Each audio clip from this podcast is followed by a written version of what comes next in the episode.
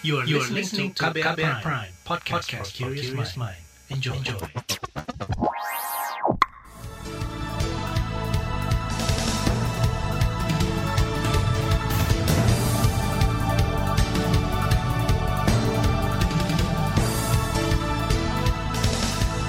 Selamat pagi saudara, senang sekali kami bisa menjumpai Anda melalui program Buletin Pagi edisi Senin 18 Oktober 2021. Bersama saya, Naomi Liandra. Sejumlah informasi pilihan telah kami siapkan di antaranya. Pemberangkatan umroh lewat satu pintu terus dikaji. Jokowi minta tutup BUMN yang sakit. Susur Sungai Naas di Ciamis diklaim bukan kegiatan pramuka. Inilah Buletin Pagi selengkapnya. Terbaru di Buletin Pagi. Pemerintah tengah mengkaji skenario pemberangkatan jemaah umroh lewat satu pintu yakni dari Jakarta. Tujuannya untuk meyakinkan kerajaan Saudi bahwa jemaah Indonesia aman. Menurut Direktur Pelayanan Umroh dan Haji Khusus di Kementerian Agama Nur Arifin, standar protokol kesehatan antara kedua negara akan diselaraskan. Berbagai hal teknis seperti integrasi data hingga mekanisme karantina juga tengah dimatangkan. Nah nanti di sana uh, kita rencana pemberangkatan jamaah umroh itu melalui asrama haji Pondok Gede. Tiga hari sebelum berangkat dilakukan standarisasi sertifikasi vaksinnya, kemudian dicek eh, PCR-nya ada standarisasi dari Kementerian Kesehatan. Sehingga benar-benar yang berangkat memang benar-benar sehat dan benar-benar negatif dan sertifikatnya bisa dibaca. Direktur Pelayanan Umroh dan Haji Khusus di Kementerian Agama Nur Arifin menambahkan, jika berjalan lancar pemberangkatan calon jemaah dari daerah lain akan dibuka bertahap. Terkait jadwal pemberangkatan dan estimasi biaya bakal diputuskan setelah persiapan teknis rampung. Namun jika mengacu pada kondisi normal, biaya umrah minimal mencapai 20 juta rupiah. Sementara itu, Kementerian Kesehatan mengklaim terus melobi kerajaan Saudi soal ketentuan vaksinasi ketiga atau booster. Saudi mensyaratkan calon jemaah yang divaksin Sinovac dan Sinopharm harus mendapat booster salah satu dari empat vaksin yang disetujui, yakni AstraZeneca, Pfizer, Johnson Johnson, dan Moderna. Juri bicara vaksinasi dari Kementerian Kesehatan Siti Nadia Tarmizi mengatakan, mestinya suntikan booster tidak dibutuhkan mengingat situasi pandemi di Indonesia sudah makin terkendali tentunya uh, kita sedang menegosiasikan ya apakah nanti vaksin Sinovac ini bisa diberikan dan uh, tentunya uh, kemarin sempat ada wacana ya ini belum final juga bahwa kalaupun menggunakan Sinovac harus uh, sudah dilakukan booster seperti itu. Nah ini yang uh, artinya uh, belum disepakati dan belum dituntaskan terkait hal ini. Juri bicara vaksinasi dari Kementerian Kesehatan Siti Nadia Tarmizi menambahkan koordinasi dengan Kementerian Agama, Kementerian Luar Negeri hingga Kerajaan Saudi masih terus berjalan. Selain skema dosis ketiga, Kemenkes juga mematangkan prosedur karantina, protokol kesehatan dan mekanisme mitigasi jika penularan COVID-19 terjadi selama umrah. Syarat suntikan booster memang dikeluhkan oleh Asosiasi Muslim Penyelenggara Haji dan Umroh Republik Indonesia atau Ampuri. Pasalnya, menurut Kepala Bidang Umroh Ampuri Zaki Zakaria, ketentuan itu mempersulit calon jemaah yang sudah siap berangkat. Namun Zaki yakin calon jemaah bisa menerima jika pada akhirnya suntikan booster wajib dan berbayar, asalkan harga yang ditetapkan masih dalam batas wajar kita dari penyelenggara untuk keberatan juga dengan kebijakan dari Saudi. Tapi tetap bahwa bagaimanapun kita harus menghormati kebijakan negara lain, yaitu Saudi. Tapi kita masih berharap Saudi satu waktu nanti mungkin dan memang informasinya mungkin akan berubah, artinya akan menerima Sinovac dan Sinovac tanpa booster ya. Walaupun sampai sekarang sih masih dipersyaratkan booster untuk pengguna vaksin Sinovac dan Sinovac Sinopam. Itu tadi Kepala Bidang Umroh Ampuri Zaka, Zaki Zakaria. Potensi pembukakan biaya umroh mendapat sorotan dari Komisi Bidang Agama di DPR. Selain suntikan booster, komponen biaya karantina bakal memaksa calon jemaah merogoh kocek lebih dalam. Anggota Komisi Agama DPR Bukhari meminta pemerintah memastikan biaya umroh tak bakal membebani jemaah. Karena ketika nanti adanya sebuah satu isolasi mandiri, baik sebelum maupun sesudahnya, ini juga harus dipikirkan sehingga uh, biaya yang biasanya uh, untuk ibadah umroh secara normal itu 25 juta itu sudah tersenggara. Saya kira nanti akan berkonsekuensi terhadap biaya karena adanya penambahan-penambahan yang di luar daripada kebiasaan termasuk yaitu isolasi mandiri. Anggota Komisi Agama DPR Bukhari juga menekankan masalah aplikasi pemantau mobilitas jemaah harus segera dirampungkan. Politikus PKS ini meminta agar aplikasi Peduli Lindungi dapat disinkronkan dengan aplikasi Syar dan Itmarna milik pemerintah Saudi. Presiden minta tutup BUMN yang sakit. Informasi selengkapnya hadir sesaat lagi. Tetaplah di Buletin Pagi KBR. You're listening to KBR Pride, podcast for curious mind. Enjoy!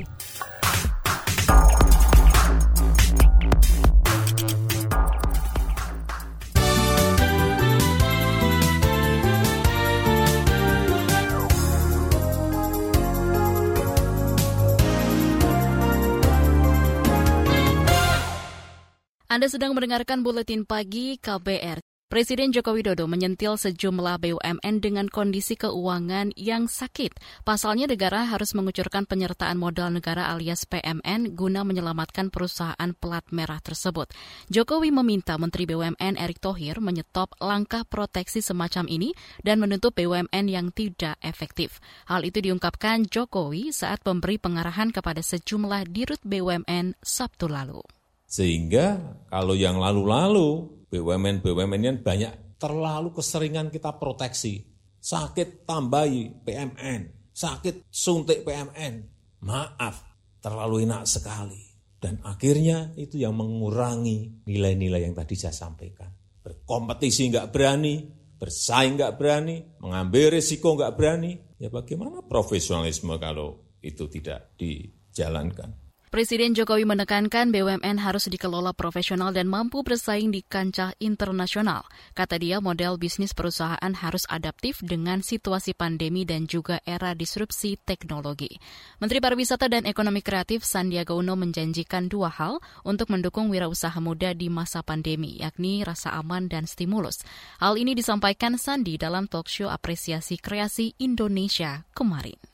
Jadi itu dua hal yang diperlukan dalam mengelola kemampuan setiap entrepreneur mengambil resiko. Tapi saya ingatkan dua hal tersebut. Pertama, sense of security, rasa aman dan nyaman sebagai seorang pengusaha nggak akan diganggu pemerintah. Yang kedua adalah stimulai atau satu program yang men-challenge, memberikan stimulus sehingga seorang pengusaha itu berani mengambil resiko. Menparakraf Sandiaga Uno juga menjelaskan wirausaha bisa mendapat beragam stimulus mulai dari pelatihan hingga modal usaha. Adapun rasa aman didapat dari jaminan kemudahan membuat perizinan dengan landasan hukum yang pasti.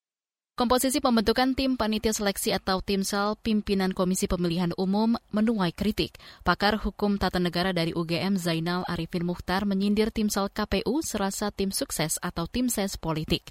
Kata dia Presiden Jokowi mestinya tidak memasukkan figur-figur politis dalam tim. Saya membayangkan orang yang paham kepemiluan. Ini kan apa tim selnya KPU miskin orang yang paham kepemiluan, ya? enggak banyak, miskin banget. Padahal menurut saya harusnya di sinilah substansinya. Apakah tidak boleh masuk politis? Boleh. Masuknya nanti di, di fit and proper. Presiden kalau mau nitip orang, titip di partai pendukung. Jangan di sini. Ya, makanya kenapa saya selalu mengkritik, nggak perlu sebenarnya. Apalagi pilihan orang itu menjadi berganda-berganda ya. Ada yang akademisi sekaligus menjadi utusan pemerintah misalnya. Karena dia memegang jabatan tertentu. Pakar Hukum Tata Negara dari UGM Zainal Arifin Mukhtar menduga ada intervensi dengan cara memainkan susunan tim sel KPU. Menurutnya pembentukan ini mirip dengan panitia seleksi pimpinan KPK yang sempat menimbulkan kontroversi dua tahun lalu. Ketua Komnas HAM Ahmad Taufan Damanik menyatakan dampak konflik agraria semakin mencemaskan. Pasalnya saat konflik terjadi ekskalasi kekerasan terus meningkat bahkan kerap melibatkan aparat negara. Karena tingkat konflik yang menjurus pada kekerasan itu semakin meningkat. Dan tentu saja kita juga mempersoalkan uh, aparat penegak hukum kita uh, yang kadang yang sering kali tidak tidak imparsial. Uh, bahkan juga uh, keterlibatan militer yang sebetulnya tidak tidak tidak boleh dalam konflik itu tapi juga dalam berbagai kasus itu juga masuk. Ketua Komnas HAM Ahmad Taufik Damanik menambahkan, kondisi ini diperparah dengan keberadaan mafia tanah yang melibatkan para preman. Dalam lima tahun terakhir, lebih dari 30 persen aduan ke lembaganya merupakan sengketa lahan. Jumlah totalnya mencapai ratusan kasus, meliputi konflik perkebunan, kehutanan, infrastruktur pertambangan, hingga barang milik negara. Kita beralih ke berita olahraga. Piala Thomas akhirnya kembali ke tanah air setelah 19 tahun penantian. Tim Indonesia berhasil menjuarai ajang bergengsi sektor bergu putra ini setelah menumbangkan Cina di final dengan skor 3-0. Kemenangan tersebut disumbang tunggal putra Anthony Ginting dan Jonathan Christie serta ganda putra Fajar Alfian Muhammad Rian. Di partai pertama, Ginting berhasil menumbangkan Lu Guangsu dalam tiga set. Kedudukan kemudian menjadi 2-0 setelah Fajar Rian sebagai ganda pertama menundukan duo He Jiting So Haudong dalam laga dua game. Di partai penentuan, Jonathan Christie sukses mengemban tugas dengan mengalahkan Li Sifeng. Kemenangan ini menjadi yang ke-14 bagi tim Indonesia sejak ajang Piala Thomas digulirkan pada 1958. Kita ke informasi mancanegara. Myanmar menuduh ada campur tangan asing di balik tak diundangnya mereka di KTT ASEAN yang akan digelar pada 26 hingga 28 Oktober 2021. Dikutip dari Reuters, juri bicara militer Myanmar Zhao Mintun menuding beberapa utusan negara mendapat tekanan dari Amerika dan Uni Eropa. Menurutnya tak diundangnya Myanmar bertentangan dengan konsensus dan prinsip ASEAN. Seperti diketahui Jumat lalu, jajaran Menteri Luar Negeri ASEAN menggelar rapat darurat membahas kehadiran junta militer Myanmar di KTT ASEAN. Hasilnya perwakilan non-politik Myanmar saja yang boleh mengikuti agenda tersebut. Di bagian berikutnya kami hadirkan laporan khas KBR bertajuk Kiprah Berkelanjutan Selamatkan Terumbu Karang. Nantikan usai jeda. You're listening to KBR Pride, podcast for curious mind. Enjoy!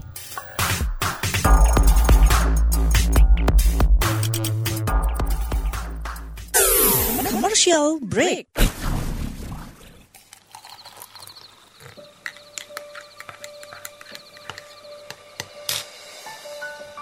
Hai, kamu apa kabar?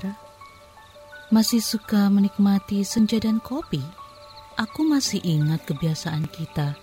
Sehabis pulang kerja, selalu mencari tempat untuk sekedar ngobrol dan ngopi. Tapi kadang kita kehabisan bahan obrolan. Aku masih melakukan hal yang sama sampai sekarang tanpa harus takut habis bahan buat ngobrol karena aku selalu mendengarkan KBR sore dari Senin sampai Jumat jam 4 sore. Ah, aku rindu. KBR Inspiratif Terpercaya.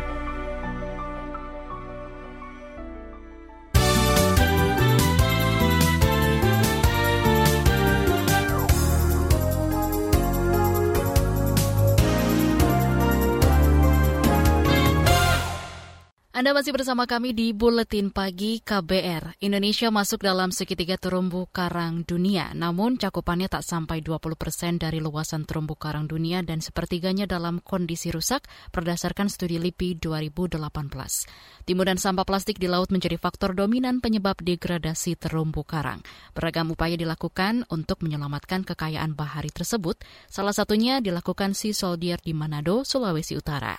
Jurnalis KBR Wahyu Setiawan berbincang dengan komunitas pecinta laut itu tentang kiprah penyelamatan terumbu karang. 1, 2, 3, 4, 5, 6, 7. Terus satu deret ini 10. 10. Satu ini ada 70 ya saya. Siang itu, beberapa pegiat Sea Soldier Sulawesi Utara tengah membuat ribuan media transplantasi karang. Dibuat dulu kan cetakannya, terus dicampur semen sama pasir. Media ini akan ditanami bibit-bibit karang untuk merehabilitasi terumbu karang yang rusak di perairan Manado dan sekitarnya.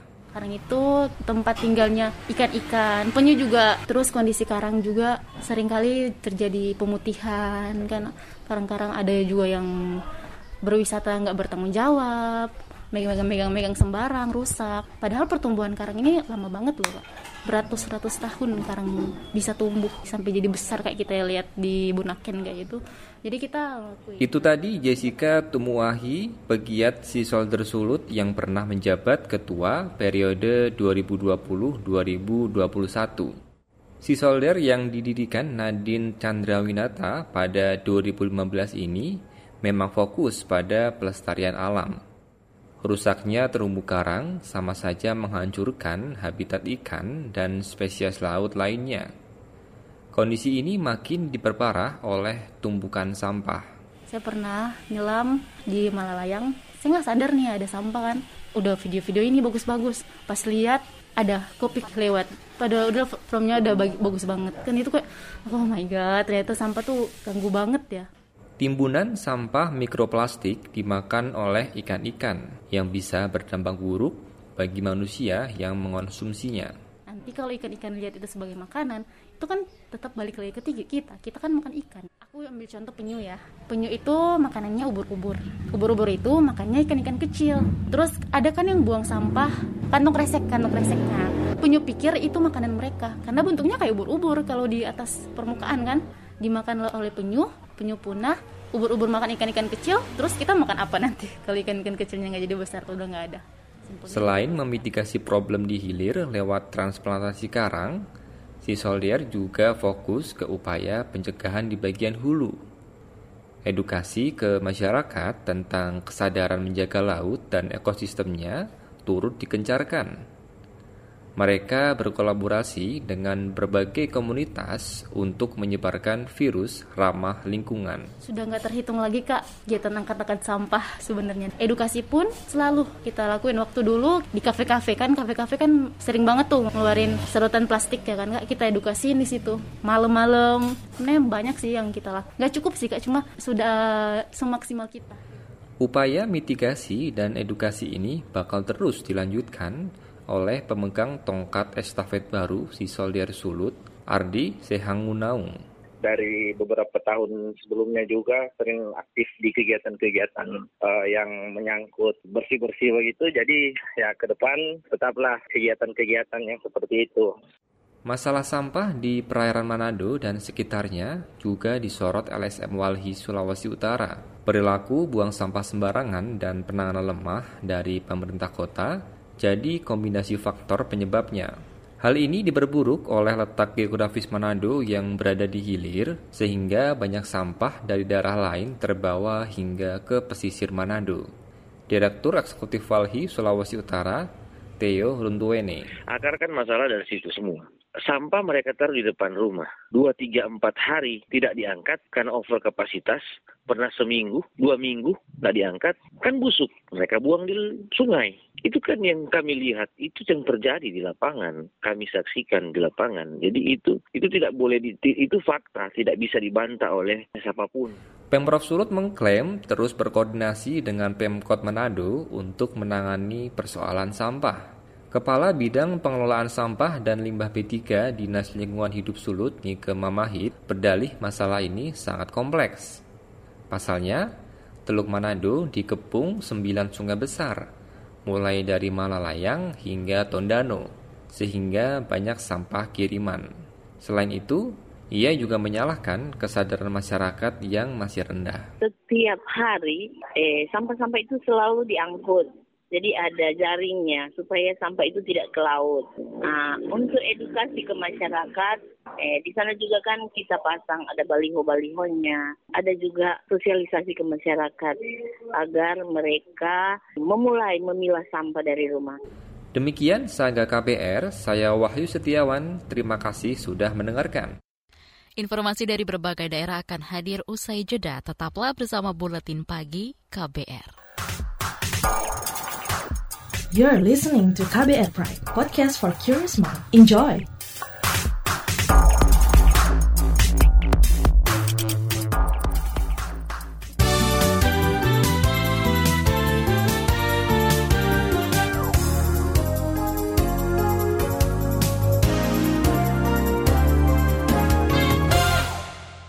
Inilah bagian akhir buletin pagi KBR. Kegiatan susur sungai yang menewaskan 11 santri di Sungai Cileur, Ciamis, Jawa Barat Jumat lalu diklaim buka agenda resmi Pramuka. Ketua Kuartir Daerah Gerakan Pramuka Jawa Barat, Atalia Prataya mengatakan, kegiatan tersebut mandiri dilakukan secara rutin oleh pengelola MTS Harapan Baru Pondok Pesantren Cipasung. Kami juga menyampaikan bahwa eh, Pramuka sendiri kami memiliki pedoman yang sudah sangat matang sekali disusun begitu ya. Kalau tidak salah ini adalah uh, nomor 277 tahun 2007 uh, terkait dengan pedoman pelaksanaan kegiatan seperti ini termasuk juga manajemen resiko begitu ya terkait dengan kegiatan termasuk di dalamnya adalah susur sungai. Ketua Kuarda Pramuka Jawa Barat Atalia Praratia menambahkan, kegiatan tatap muka dengan banyak peserta seperti perkemahan, seminar, dan pelatihan saat ini ditunda sampai waktu yang belum ditentukan. Bahkan kata dia kegiatan seperti jambore masih dilakukan secara virtual. Pasca kejadian naas itu, Gubernur Jawa Barat Ridwan Kamil juga menghentikan seluruh kegiatan alam yang dilakukan sekolah sampai ada SOP terbaru dari Badan Penanggulangan Bencana Daerah atau BPBD. Wakil Presiden Maruf Amin menyampaikan keprihatinannya atas jatuhnya korban akibat gempa Bali Sabtu lalu. Kata dia pemerintah akan segera menangani dampak gempa dengan melakukan mitigasi dan menyalurkan bantuan. Uh, kita pemerintah tentu akan mengambil langkah untuk membantu korban dan pada masyarakat supaya tetap tenang dan semua dari BNPB supaya cepat melakukan antisipasi dan bantu juga oleh TNI Polri supaya masyarakat tetap tenang dan suasana juga terkendali. Itu tadi Wakil Presiden Maruf Amin. Sebelumnya gempa dengan magnitudo 4,8 mengguncang Bali Sabtu dini hari. Gempa menyebabkan tiga orang tewas dan belasan lainnya luka berat. Selain itu kerusakan juga terjadi di sejumlah titik. Saudara, sebanyak 125 peserta Pekan Olahraga Nasional PON ke-20 Papua terpapar COVID-19. Menteri Pemuda dan Olahraga Zainuddin Amali meminta masyarakat tidak khawatir bahwa peserta akan membawa virus ke daerahnya karena mereka mendapat penanganan yang optimal pemulihan atau kesembuhan dari dari mereka ini uh, berjalan secara secara cepat. Jadi uh, saya kira tidak perlu kita uh, terlalu khawatir yang berlebihan, apalagi kan awal-awalnya di, di dikhawatirkan akan menjadi klaster baru yang uh, yang akan yang menakutkan. Ternyata itu tidak tidak juga karena semua mereka yang datang ke sini itu sudah divaksin. Menpora Zainuddin Amali menjelaskan dari 125 peserta yang terpapar, sebanyak 45 orang dinyatakan sembuh, 50-an orang masih dirawat dan sisanya dalam pemantauan. Yang mengklaim proses pemulihan hanya membutuhkan waktu 5 hari dengan city value di atas 37. Hal itu membuat tingkat penularan sangat minim. Perhimpunan Hotel dan Restoran Indonesia PHRI Banyuwangi Jawa Timur optimis tingkat hunian akan terdongkrak seiring dibukanya akses turis asing ke Indonesia. Meski turis masuk dari Bali, Banyuwangi diyakini akan merasakan dampaknya sebab wilayah ini berbatasan langsung dengan Pulau Dewata khususnya untuk turis asing itu ketika mau masuk ke Indonesia tentunya sudah melalui fase-fase penerapan uh, protokol kesehatan yang sangat ketat. Hmm. Uh, di Banyuwangi sendiri melalui pengontrolan yang sangat ketat terkait prokesnya, hmm. baik itu da uh, dari tamu asing maupun dari lokal. Karena kita juga dengan aplikasi peduli lindungi itu juga masuk di area area hotel juga sudah tervaksin. Ketua PHRI Banyuwangi Zainal Mutakin menambahkan seluruh hotel di wilayahnya mulai berbenah untuk menyambut kunjungan turis asing. Persiapan mulai dari sisi fasilitas hingga protokol kesehatan. Saat ini tingkat hunian hotel juga terus naik, rata-rata pertambahannya mencapai 10 persen. Hal ini merupakan dampak dibukanya kembali destinasi wisata di Banyuwangi. Informasi tadi menutup jumpa kita di Buletin Pagi hari ini. Pantau juga informasi terbaru melalui kabar baru, situs kbr.id, Twitter kami di akun @beritaKBR, serta podcast di alamat kbrprime.id. Akhirnya saya Naomi Liandra bersama tim yang bertugas undur diri. Salam.